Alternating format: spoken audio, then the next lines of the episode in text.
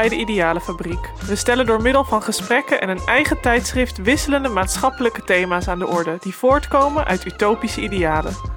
We zijn er om mensen en ideeën met elkaar te verbinden, om te inspireren tot nieuwe zienswijzen en te ondersteunen daar waar nodig. Luister mee naar artikelen uit ons tijdschrift Andersland, waarin onze thema's vanuit verschillende hoeken bekeken en uitgelegd worden. Praat mee via onze website of sociale media.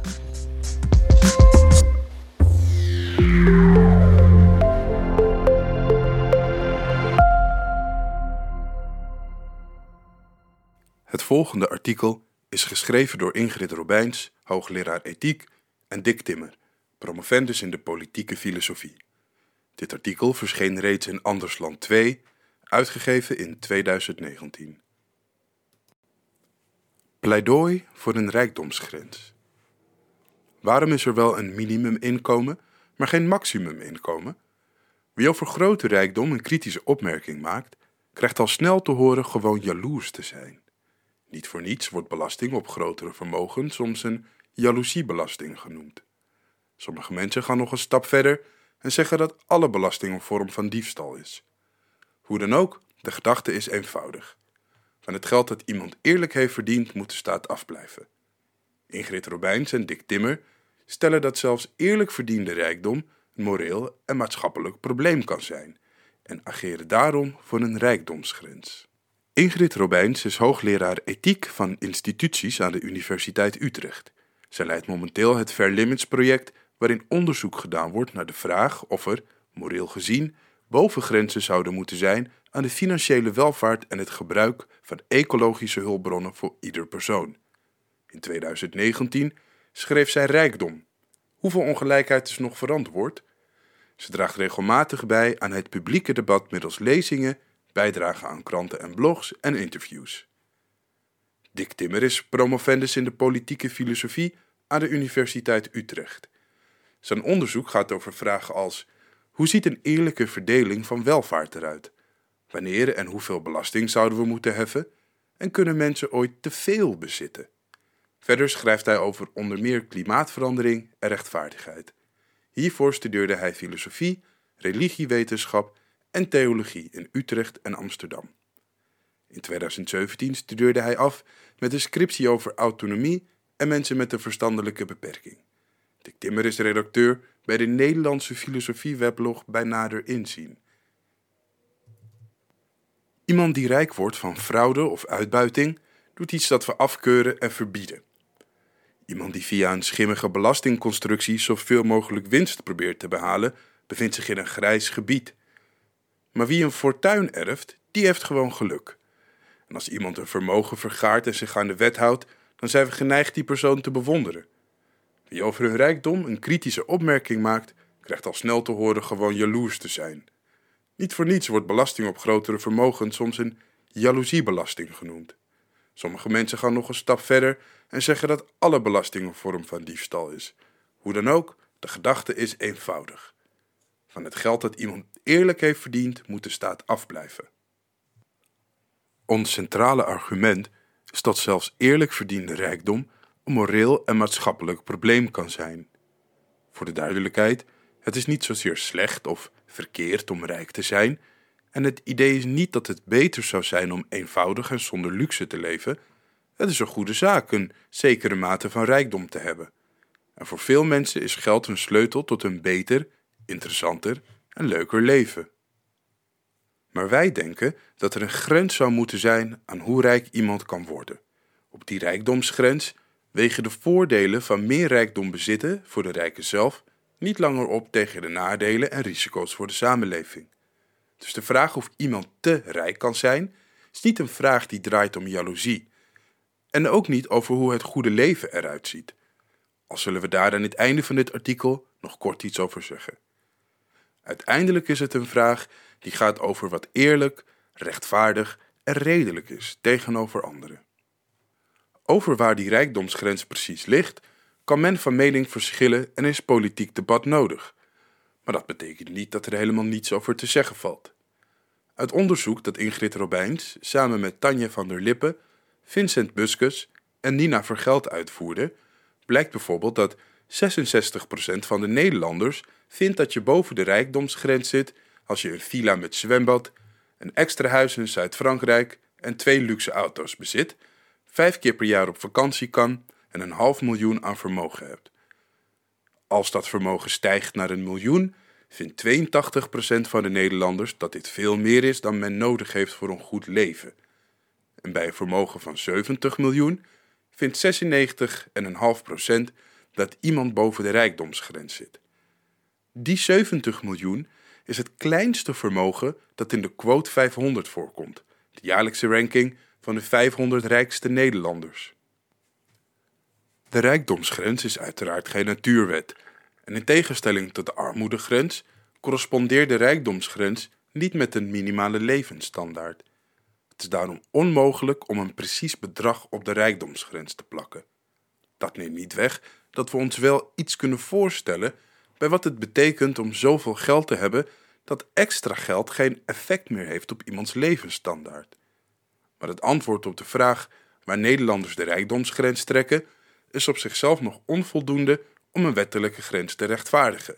De vraag is namelijk: kunnen we ook iets zeggen over waarom rijkdom een moreel probleem kan zijn? Met andere woorden, welke maatschappelijke risico's zijn er verbonden aan extreme rijkdom? Het eerste probleem met extreme rijkdom is dat het de kern van de democratie in gevaar brengt, namelijk het principe van politieke gelijkheid. Dat mensen politiek gelijk zijn, betekent dat iedereen een gelijke stem zou moeten hebben in de collectieve besluitvorming. Maar wie heel veel geld heeft, kan dat geld gebruiken om die besluitvorming te beïnvloeden. Hij of zij, maar de meeste superrijken zijn mannen, kan bijvoorbeeld zorgen dat zijn favoriete kandidaat of partij voor een politiek ambt meer financiële middelen heeft om campagne te voeren. Of geld uitgeven aan professionele lobbyisten om beleid te beïnvloeden. Denktanks oprichten, filmproducties sponsoren of bijzonder hoogleraren financieren. Een bekend voorbeeld van dit laatste is de Chicago School of Economics uit Amerika. Dat is een invloedrijke stroming in de economie die gefinancierd werd door rijke individuen en bedrijven met een sterk neoliberale inslag. Bekende economen uit de Chicago School zijn Nobelprijswinnaars Friedrich Hayek en Milton Friedman. Hun invloed op met name de Amerikaanse economie en politiek is tot op de dag van vandaag voelbaar. Daarnaast bezit iemand zijn of haar vermogen natuurlijk niet alleen in cash, maar in aandelen, bedrijven en ander kapitaal. Ook dat biedt allerlei mogelijkheden om democratische besluitvorming te ondermijnen. Denk aan de recente discussie rondom de dividendbelasting. Bedrijven die dreigen een land te verlaten wanneer bepaalde belastingen worden verhoogd, oefenen grote druk uit op democratisch genomen besluiten. Ook op die manier kunnen de rijken dus invloed uitoefenen op de democratie en democratische processen naar hun hand zetten. En dus kan ook op deze manier politieke gelijkheid door rijkdom in het geding komen. Natuurlijk worden er al maatregelen getroffen om te zorgen dat financiële macht zich niet zomaar onbeperkt kan vertalen in politieke macht. Er is bijvoorbeeld wetgeving over partijfinanciering en antimonopoliemaatregelen, zodat niemand alle commerciële televisiezenders kan opkopen of op directe wijze verkiezingsprogramma's kan beïnvloeden. Maar dat neemt het risico op ondermijning van het democratisch principe niet weg. Niet alles is te reguleren, niet iedereen houdt zich aan de wet en de naleving van wetten wordt niet altijd even grondig gecontroleerd. Daarnaast kan geld ook op informele manieren ingezet worden om direct of indirect politieke macht uit te oefenen.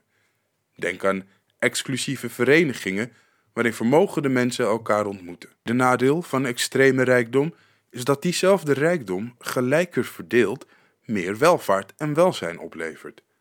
Dat is een klassiek inzicht van zowel publieke economen als politiek filosofen. Elke bijkomende euro draagt steeds minder bij aan ons welzijn. Anders gezegd, voor iemand die 2000 euro per maand verdient, betekent het veel meer om er 100 euro op vooruit te gaan dan voor iemand die 20.000 euro per maand verdient. Dus als we welvaart en welzijn in de samenleving willen verhogen, kunnen we die 100 euro beter besteden aan de mensen die minder hebben. Om dit in een breder perspectief te zetten, als je twee samenlevingen vergelijkt die hetzelfde produceren en in andere opzichten ook identiek zijn, Nou, waar in het eerste land de financiële ongelijkheid groter is dan in het tweede land, dan zijn het welzijn en de welvaart in het eerste land kleiner. Nu zijn er allerlei redenen waarom volledige gelijkheid van uitkomsten moeilijk te verdedigen is. Vanuit een moreel of politiek filosofisch standpunt is het sterker om het principe van gelijke kansen te verdedigen en niet het principe van gelijke uitkomsten. Wie het liever rustiger aandoet, wie graag een groot deel van zijn tijd besteedt aan hobby's, of wie een beroep wil uitoefenen waar geen maatschappelijke vraag naar is, moet niet verwachten dat hij dezelfde inkomen zal ontvangen als de leerkracht of verpleegkundige die 38 uur per week werkt. Daarnaast hebben we als samenleving ook mensen nodig voor beroepen die risicovol of onprettig zijn, of die grote verantwoordelijkheden vergen. Dat zijn legitieme redenen om mensen beter te belonen. En bovendien wordt iedereen daar beter van. Ook degenen die deze hogere beloning niet krijgen. Er zijn echter grenzen aan hoe groot die beloningsverschillen kunnen zijn. Ook voor mensen die via ondernemerschap of door toeval rijk zijn geworden, geldt dat zij met hun geld heel veel goed zouden kunnen doen als ze een deel van hun fortuin zouden aanwenden om de mensen die pech hebben gehad in het leven te ondersteunen en meer kansen te geven. Of om publieke waarden zoals de democratie of sociale cohesie te versterken. Of bijvoorbeeld om het wereldarmoedeprobleem te helpen aanpakken. Want volgens schatting van de Wereldbank leeft zo'n 10% van de wereldbevolking van minder dan 2 dollar per dag en dus in absolute armoede. De kant van de filantropie en van het sociaal ondernemerschap. Geld, ideeën, netwerken en ondernemerschap die de gefortuneerden aanwenden om anderen te helpen en kansen te bieden. Juist door extreme rijkdom in te perken en te herverdelen ontstaat er dus de mogelijkheid om op een efficiënte manier welzijn en welvaart eerlijker te verdelen onder mensen met verschillende achtergronden en posities in de samenleving. Maar wanneer rijkdom niet wordt gebruikt om deze problemen aan te pakken, geven welvaart en welzijn goede redenen om een politieke rijkdomsgrens te verdedigen. Er is ook nog een derde bezwaar tegen extreme rijkdom, namelijk dat het onverenigbaar is met onze ecologische plichten. De plichten die we hebben om de natuur en daarmee ook andere mensen en dieren te beschermen. Dit is in feite een specifieke uitwerking van het bezwaar dat een gelijkere verdeling van welvaart meer welzijn voortbrengt. Het idee erachter is als volgt. Als we ons niet aan onze ecologische plichten houden, komt welvaart en welzijn in het gedrang. En extreme rijkdom maakt het veel lastiger en ook veel minder waarschijnlijk om aan onze ecologische plichten te voldoen. In theorie is rijkdom verenigbaar met ecologische plichten. Namelijk wanneer iemand leeft en rijk wordt op een manier die de natuur niet beschadigt en daarna een bescheiden consumptiepatroon aanhoudt. Maar in praktijk komen dergelijke theoretische voorbeelden nauwelijks voor. Veel rijken zijn rijk geworden dankzij milieuvervuilende processen, zoals milieubelastende productie, internationale handel die tot uitstoot van CO2 leidt, of productie en verkoop van goederen waarin verschillende onderdelen van aardolie verwerkt zitten. En we weten uit onderzoek dat de rijksten vele malen meer broeikasgassen uitstoten dan de niet-rijken, omdat ze heel grote huizen bezitten, meerdere auto's en soms ook een eigen jacht of vliegtuig hebben. De Franse economen Lucas Chancel en Thomas Piketty berekenden in 2015 dat de rijkste 1% van de wereld wel 300 ton broeikasgassen per persoon per jaar uitstoten, tegenover een gemiddelde van tussen de 10 en 20 ton per persoon per jaar in Europa en Noord-Amerika. Ter vergelijking, een eerlijke uitstoot waarbij de kosten voor het milieu worden meegewogen en iedereen evenveel CO2 mag uitstoten, zou maximaal een paar ton per persoon per jaar bedragen, afhankelijk van de periode die we denken nodig te hebben voor we een volledig emissievrije economie opgebouwd hebben, of een veilige en betaalbare manier hebben gevonden om broeikasgassen onschadelijk te maken. Het echter een venijnig staartje. Gegeven de broeikasgasreductie die nodig is om het klimaat te stabiliseren, stoten niet alleen de rijken, maar zowat alle inwoners van Nederland veel te veel broeikasgassen uit. Ecologische plichten creëren dus verantwoordelijkheden voor iedereen om ons consumptiepatroon aan te passen. We zouden bijvoorbeeld, zoals het Institute for Global Environmental Strategies heeft voorgesteld, elk jaar 10% minder broeikasgassen kunnen uitstoten via consumptie, tot we minder dan een ton per jaar uitstoten tegen 2050. De structurele maatregelen die hiervoor nodig zijn, zijn veel effectiever dan rekenen op vrijwillige gedragsaanpassingen. Maar zelfs als we bijvoorbeeld via belastingen geport zullen worden om minder te vliegen en minder vlees en zuivel te eten, dan nog zullen we onze consumptiepatronen ook bewust moeten aanpassen. Die aanpassing van ons consumptiepatroon is onvermijdelijk als we de uitstoot willen verminderen.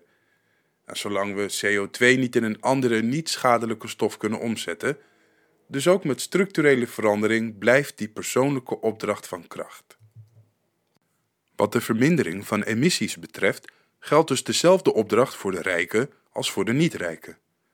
Maar er zijn twee redenen waarom we een groter beroep mogen doen op de rijken om een forse bijdrage te leveren aan de investeringen die nodig zijn voor een effectief klimaatbeleid. De eerste reden is dat veel rijken hun vermogen hebben vergaard met commerciële activiteiten waarbij ze niet gecompenseerd hebben voor de ontstaande milieuschade. Hadden ze dat wel gedaan, dan was de winst en hun persoonlijk fortuin dus veel kleiner geweest. Een deel van het persoonlijk fortuin van superrijken, maar ook van rijke ondernemingen, is dus onbetaalde compensatie voor milieuschade. Die kan nu alsnog gestort worden in een Nederlandse en mondiale klimaatfondsen. Het principe dat hierachter ligt is eenvoudig. De vervuiler betaalt. Waarom we een groter beroep mogen doen op de superrijken berust op een ander principe. De sterkste schouders moeten de zwaarste lasten dragen. Dit is eens te meer het geval in tijden van uitzonderlijke urgentie en crisis. Dat was bijvoorbeeld zo, fiscaal gezien, in Amerika en Europa na de Tweede Wereldoorlog. En gegeven de urgentie van het klimaatprobleem vandaag de dag en de enorme impact ervan op huidige en toekomstige generaties, bevinden we ons opnieuw in een tijd van urgentie en crisis. Een extra financieel offer zouden we dus ook nu kunnen vragen van de rijken en superrijken, zodat we gelden ter beschikking hebben voor rigoureuze maar noodzakelijke adaptatie- en mitigatiemaatregelen. Nu zullen sommige superrijken ontkennen dat we een klimaatcrisis hebben. Maar dan komt het erop aan om deze kleine groep niet de ruimte te geven het hele publieke debat over te nemen en ons bewust te zijn van de propagandatechnieken die sommigen onder hen gebruiken om hun onwaarheden te verspreiden en zo twijfel te zaaien. Nu is de reactie op bovenstaande argumenten voorspelbaar. Ja, de wereld zou wellicht beter zijn als de democratie robuuster was en welzijn en welvaart gelijker was verdeeld en natuurlijk het klimaat minder beschadigd. En natuurlijk moeten mensen die de wet overtreden en zo hun vermogen opbouwen worden aangepakt. Maar dat betekent nog niet dat de samenleving zomaar het geld van de rijken mag afnemen. Ten slotte zijn mensen rijk geworden doordat ze het geld zelf eerlijk hebben verdiend. Dit argument gaat ervan uit dat vele rijken hun geld eerlijk hebben verdiend en dat ze daarom een moreel recht hebben op dat geld. Laten we dit het verdienste-argument noemen. Onder het verdienste-argument liggen tenminste twee aannames verborgen. De eerste is dat het vermogen van de rijken inderdaad verdiend is. De tweede is dat iedereen dezelfde mogelijkheid heeft om gebruik te maken van de kansen die ondernemerschap biedt om een fortuin te vergaren. Hoewel deze twee aannames niet helemaal te onderscheiden zijn, is het goed ze apart onder de loep te nemen. Dan blijkt het verdienste argument minder plausibel dan het op het eerste gezicht lijkt. Laten we over de eerste aanname twee dingen zeggen. Ten eerste is het idee dat de zogenaamde verdiende centjes ethisch gezien ook daadwerkelijk verdiend zijn niet plausibel. Veel rijkdom wordt niet via ondernemerschap verworven, maar is het gevolg van het feit dat iemand toevallig rijke ouders had. Die rijkdom kan dan direct worden doorgegeven via een erfenis, maar ook indirect door het uitstekende onderwijs en sociale netwerk waar een kind van kan profiteren. En aangezien de erfbelasting een stuk lager ligt dan bijvoorbeeld belasting op arbeidsinkomen, en het erven van een onderneming tot op zekere hoogte is vrijgesteld van erfbelasting, kunnen we veel vragen stellen bij hoe rechtvaardig zo'n lage erfbelasting eigenlijk is. Ingrid Robijns schreef hier met de Utrechtse filosoof Sam de Maagd een uitgebreide ethische annotatie over, die voor iedereen vrij toegankelijk te lezen is op het internet. Daarnaast bestaan er voor zeer vermogende Nederlanders fiscale sluiproutes om persoonlijke fortuinen om te zetten in ondernemingskapitaal, waardoor de erfgenamen van de zeer rijken procentueel veel minder belasting zullen betalen. Het zijn vormen van belastingontwijking die zeker niet in de geest van de wet zijn, maar belangrijker voor nu, de fortuinen die zo direct en indirect worden doorgegeven, zijn op geen enkele manier verdiend door de ontvanger. Punt is nog veel fundamenteler, namelijk dat het mens- en wereldbeeld waarop dit antwoord is gebaseerd, veronderstelt dat wie iets op de markt verdient, het moreel gezien verdient. Het is eenvoudig te zien dat dit niet kan kloppen. Neem bijvoorbeeld Martin Shkreli, beter bekend als The Most Hated Man of America. Hij probeerde een fortuin te verdienen door de prijs van een in de jaren 50 ontwikkeld medicijn te verhogen van 13,5 dollar per pil naar 750 dollar per pil. Hij had het medicijn niet zelf ontwikkeld, maar stelde deze verhoging van meer dan 5000 procent voor nadat hij het medicijn in 2017 had gekocht. Na aanhoudende kritiek bond hij in. Maar stel nu eens dat het hem was gelukt. Zou zijn fortuin dan eerlijk verdiend zijn? Ja, is het antwoord wanneer alles dat wettelijk mag op de markt daarmee ook eerlijk verdiend is. Nee, lijkt een plausibelere claim. Soms zijn marktverdiensten simpelweg immoreel. Het zijn veel successen van ondernemers afhankelijk van stabiele maatschappelijke structuren. Uitvindingen, infrastructuur en kennis die voorgaande generaties voor ons achtergelaten hebben, of die worden gefinancierd vanuit publieke middelen. Vaak is die maatschappelijke erfenis te danken aan de belangeloze inzet van mensen die het publiek belang boven hun persoonlijk belang zetten, of door de investeringen en ontdekkingen die met belastinggeld zijn gefinancierd. Het zou voor veel van de hedendaagse rijken knap lastig zijn geweest om even rijk te worden in een samenleving zonder die kennis, infrastructuur en algemene welvaart. Er is dus zeker iets af te dingen aan een wereldbeeld dat veronderstelt dat wat iemand op de markt verdient, daarmee ook daadwerkelijk iemands recht is. Dan de tweede aanname in het verdienste-argument: dat iedereen gelijke kansen krijgt. Iemands geboorte en afkomst spelen een enorme rol in diens financiële succes. Het idee dat mensen gelijke kansen hebben, zeker wanneer het gaat om het verdienen van een fortuin, is daarom simpelweg onwaar. In andere woorden, we moeten ons afvragen wat de rol is die geluk in ons leven speelt. Waar en wanneer we geboren werden, wie onze ouders zijn, wie onze leerkrachten waren, wat onze talenten zijn. Dat alles hebben we niet zelf gekozen, maar heeft wel een grote invloed op de kansen die we in ons leven krijgen. En meer specifiek op de mogelijkheid die we hebben om extreem rijk te worden. Zoals Bill Gates het onlangs in een interview met de Daily Mail zei: Ik verdien mijn fortuin niet. Niemand verdient het. Ook hij benadrukte de rol van structuren, toeval en de rol van mensen met wie hij samenwerkte en pleitte voor meer progressieve belastingen. Mensen die het financieel gezien hebben gemaakt, mogen heus trots zijn op hun inspanningen en resultaten en daarvoor worden beloond. Maar de geluksfactor zou ons moeten overtuigen om rijkdom binnen de perken te houden, zeker gegeven de argumenten die tegen extreme rijkdom te geven zijn. Sommige filosofen gaan zelfs een stap verder dan wij hier doen en in bepaalde levensbeschouwelijke tradities vind je vergelijkbare argumenten. We hebben in het voorgaande beargumenteerd dat extreme rijkdom maatschappelijk gezien onwenselijk is. Maar, vraagt bijvoorbeeld de filosoof Danielle Zwarthoed zich af, is het voor een rijke zelf wel goed om extreem rijk te zijn? Met andere woorden, klopt het idee dat het hebben van meer rijkdom gepaard gaat met het hebben van, bijvoorbeeld, meer autonomie en vrijheid, of gewoonweg een beter leven. Niet altijd, beargumenteert Zwarthoed. Of beter, eigenlijk niet. Wie alles heeft, hoeft bijvoorbeeld weinig rekening te houden met de uitvoerbaarheid van haar plannen. Veel dingen zijn immers te koop, en wie alles kan kopen, hoeft niet te kiezen. Maar juist in het afwegen en maken van keuzes oefenen mensen zich in hun autonomie. En oefenen mensen hun autonomie uit, al dus zwarthoed. En bovendien, wie rijk is, kan zozeer gehecht raken aan haar welvaart dat er van de ogenschijnlijk vele keuzes die zij heeft, maar weinig overblijven. Om een bepaald sociaal netwerk te onderhouden en levensstijl te kunnen waarborgen, is immers veel geld nodig.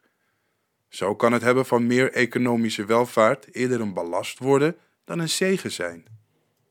En tenslotte beargumenteert Zwarthoed dat, aangenomen dat ook de rijken zich iets van het lot van minder bedeelden aantrekken, het moeilijk voor hen is om transparant te zijn over de redenen die ze hebben om bepaalde keuzes te maken. Kun je bijvoorbeeld serieus denken dat jij dat derde huis meer nodig hebt dan dat iemand die moet rondkomen van een minimuminkomen extra financiële steun kan gebruiken? Onderzoek toont aan dat wanneer mensen spanning ervaren tussen hun overtuigingen en handelingen, ze geneigd zijn ofwel hun handelingen aan te passen, ofwel hun overtuigingen los te laten. Wanneer we bijvoorbeeld spanning ervaren tussen bepaalde ethische plichten, zeg onze ecologische plichten, en onze wensen en verlangens, zoals dat derde huis, dan zijn we geneigd die spanning op te lossen door selectief om te gaan met de informatie die we binnenkrijgen. Maar, beargumenteert Zwarthoed, dat brengt schade toe aan onze autonomie, omdat het niet langer meer helder is, zelfs niet voor onszelf, waarom we bepaalde dingen doen of willen.